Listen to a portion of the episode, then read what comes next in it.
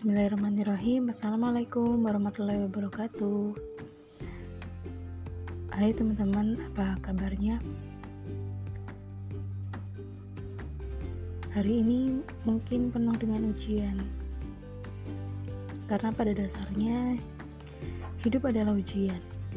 Masalah demi masalah Memang terus berdatangan. Tak jarang Rintangan yang kita hadapi dapat menguras stok sabar dalam diri kita. Tapi bukan berarti sabar memiliki batas. Hanya kemampuan kita untuk tetap memelihara sabar tersebutlah yang perlu kita stok banyak-banyak. Kita dapat melatih kesabaran kita dengan banyaknya ujian yang hadir di dalam hidup kita. Maka, latih kesabaranmu yuk kita melatih kesabaran diri kita untuk tetap kuat menjalani hari di tengah cobaan yang seakan mewarnai hidup kita. Ya, perlahan-lahan cobaan ini akan menjadikan kita lebih pandai dalam memelihara sabar.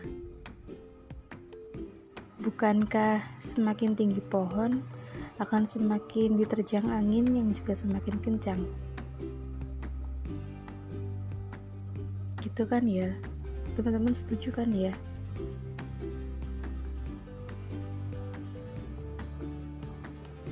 Dan perlu kita pahami juga bahwa setiap orang punya titik kelemahan yang di sana dia bisa terjerumus ke dalam e, dosa atau maksiat. Namun Allah itu maha baik, baik banget teman-teman. Baiknya Allah itu ya, maha menerima taubat, seakan tak peduli beribu dosa yang menyelimuti kita. Teman-teman tahu nggak? Allah sebenarnya itu tetap loh dengan sabar menunggu harapan-harapan dari hambanya. Dari hambanya Allah sangat siap menunggu permohonan ampunan. Nah makanya kita tuh sebenarnya jangan menghakimi diri sendiri dulu. Aku sudah terlalu banyak dosa. Aku sudah melakukan dosa A sampai Z. Aku tidak berhak untuk bertaubat. Hati-hati teman-teman. Bisa jadi itu bisikan syaitan yang tidak ingin kita berada di jalan yang lurus. Allah sendiri aja nggak pernah berkata gak pernah bilang itu ya Allah itu. Gak boleh bertaubat maka Allah sangat menunggu permohonan ampun dari setiap hambanya. Masya Allah. Jadi gitu ya teman-teman. Kita kita perlu perhatikan seberapapun besar dosa kita banyaknya dosa kita maka dekatilah sang peng, penguasa hati, sang pemilik hati untuk memohon ampunan kepadanya. Karena halangan untuk bertaubat sendiri adalah halangan yang datang dari syaitan. Mereka, syaitan, iblis, jin itu tidak ingin manusia kembali kepada robnya. Maka, kalau ada terpintas selintas pikiran kita untuk enggan bertobat atau kita merasa sungkan malu untuk bertobat maka disingkirkan aja dulu. Allah saja membuka lebar-lebar pintu maaf. Maka yuk kita perbaiki diri kita. Mohon ampun kepada Allah. Bersegera mendekat kepadanya. Karena sungguh ampunan Allah sangat luas. jangan menyanyiakannya ya teman-teman karena sesungguhnya Allah itu dekat. Allah maha pengampun. Yang perlu kita lakukan yang mendekat. Itu ya teman-teman.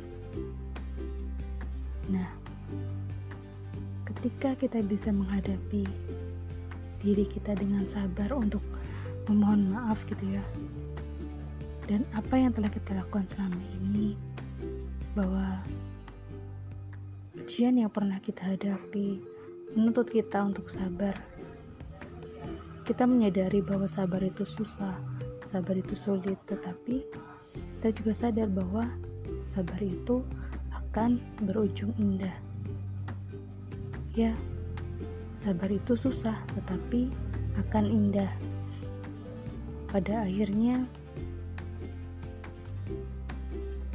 sabar itu akan membuahkan kebaikan sabarnya kita dalam menghadapi kehidupan, dalam menghadapi ujian, masalah yang bertubi-tubi, semoga menjadi bekal kita untuk akhir yang bahagia. Berbicara soal sabar memang mudah untuk diucapkan. Sabar itu semudah kita mengucapkan ABC, tetapi melakukannya atau prakteknya itu sangat sulit. Sabar ibarat latihan yang terus kita lakukan. Sabar tak semudah itu, tetapi sabar bisa dilakukan. Maka, jadikanlah sabar seperti sabarnya ulat. Ulat itu gimana sih? Dia kan menanti ya jadi kepompong Kepompong pun harus sabar untuk menjadi seekor kupu-kupu. Maka sabar seperti halnya sabar ulat yang akan menjadi seekor kupu-kupu. Itulah indahnya sabar. Jadikanlah pula sabar itu seperti sabarnya kaktus yang ia bertahan di padang pasir yang panas. Untuk apa? menanti mekarnya kuncup bunga sebagai penghiburnya. Jadikanlah sabar seperti sabarnya bumi yang menanti hujan turun dari langit untuk menumbuhkan biji-bijian di dalam perutnya. Ya, turunnya lang, eh, lang, turunnya hujan dari langit seperti yang dijanjikan oleh Allah untuk menumbuhkan biji-bijian di dalam perutnya. Seperti itulah sabar yang membuahkan hasil, yang membuahkan keindahan, yang membuahkan kebaikan. Sabar bukan berarti lemah, bukan berarti pula kekalahan. Jadi gitu ya teman-teman, justru sabar adalah benteng keselamatan dari keputusasaan. Memaafkan, menerima, mendoakan, mungkin adalah jalan yang bisa kita lakukan. Bertawakallah atas segala ujian, sesungguhnya Allah bersama orang-orang yang sabar. Kemarin kita sudah membahasnya di dalam Quran Surat Al-Baqarah ayat 153 Sekali lagi, sungguhnya Allah beserta orang-orang yang sabar.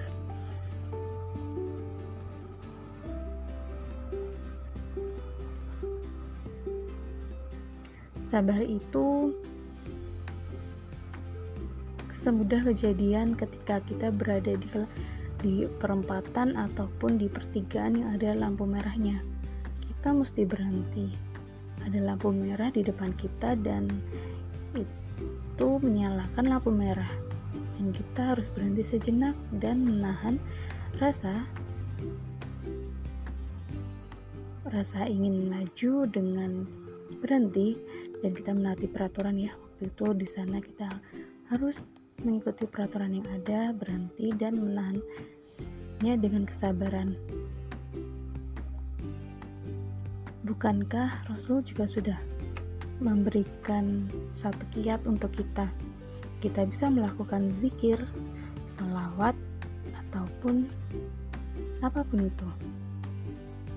Supaya tak lagi beban di dalam menunggu si lampu merahnya hingga berubah jadi hijau. Ada sebuah cerita teman-teman. Sebuah cerita dari Kabab bin Art bahwa sabar dengan segala siksaan yang menimpanya. Karena Rasulullah pernah berkata, pernah bersabda, dulu sebelum kalian ada seorang laki-laki yang disiksa, tubuhnya dikubur kecuali leher ke atas. Lalu diambil sebuah gergaji untuk menggergaji kepalanya. Tetapi siksaan demikian itu tidak sedikit pun dapat memalingkannya dari agamanya. Ada pula yang disikat di antara daging dan tulang-tulangnya dengan sikat juga tidak dapat menggoyahkan keimanannya. Sungguh Allah akan menyempurnakan hal tersebut, sehingga setiap pengembara yang berpergian dari Sana'ah ke Hadramaut tidak takut, kecuali hanya kepada Allah Azza wa Jalla. Membayangkan hadis tersebut,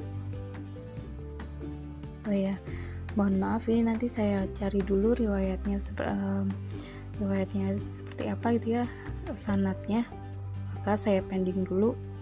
Kenapa? Karena um, sebab perkataan itu cukup dikatakan dusta jika tidak sohih kebenarannya. Maka saya bertanggung jawab di sini untuk untuk membuktikan sanatnya. Maka saya uh, akan memperbaikinya di kemudian hari insya Allah nah maka berlanjut tentang tadi mendengar mendengar cerita yang ada di dalam sabda Rasulullah tersebut tadi itu ya kita jadi paham bahwa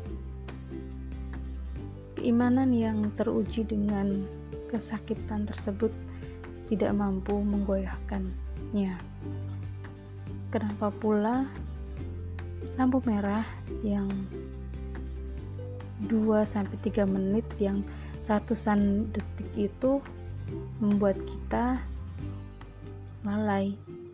Jangan sampai yang sedikit di bawah lampu merah itu menjadikan kita kufur nikmat, menjadikan kita lalai dalam mengingat Allah.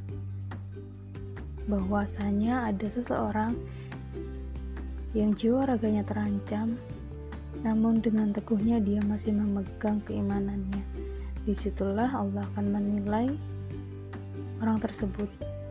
Mungkin Mungkin orang tersebut yang menjaga keimanannya di sisi Allah mendapatkan catatan tersendiri. Bisa jadi oleh malaikat dicatat dalam catatannya tersendiri. Bisa jadi orang-orang ini sangat istimewa bagi Allah. Kita yang berkeluh kesah di bawah terik matahari dan menyangga kendaraan tak ada apa-apanya. Namun jika kita bertawakal, kita bersabar dengan apa yang kita hadapi saat ini, seperti halnya di bawah lampu merah yang eh, siang hari yang terik, kita bisa menghadapinya dengan kesabaran, dengan keikhlasan, dengan melaluinya dengan zikir, maka insya Allah kita teman-teman akan mendapatkan kebaikan dan keindahan itu. Indah yang awalnya dari sabar. Kemenangan yang awalnya juga dari sabar. Maka itu bukanlah imajinasi. Bukanlah imajinasi jika kesabaran akan membawakan hasil. Karena ingat, sekali lagi, Allah bersama orang-orang yang sabar. Quran Surat Al-Baqarah ayat 153 Saya akhiri, terima kasih sudah mendengarkan. Senang bertemu lagi, semoga kita bertemu lagi di kesempatan, kesempatan berikutnya. Saya akhiri, wassalamualaikum warahmatullahi wabarakatuh.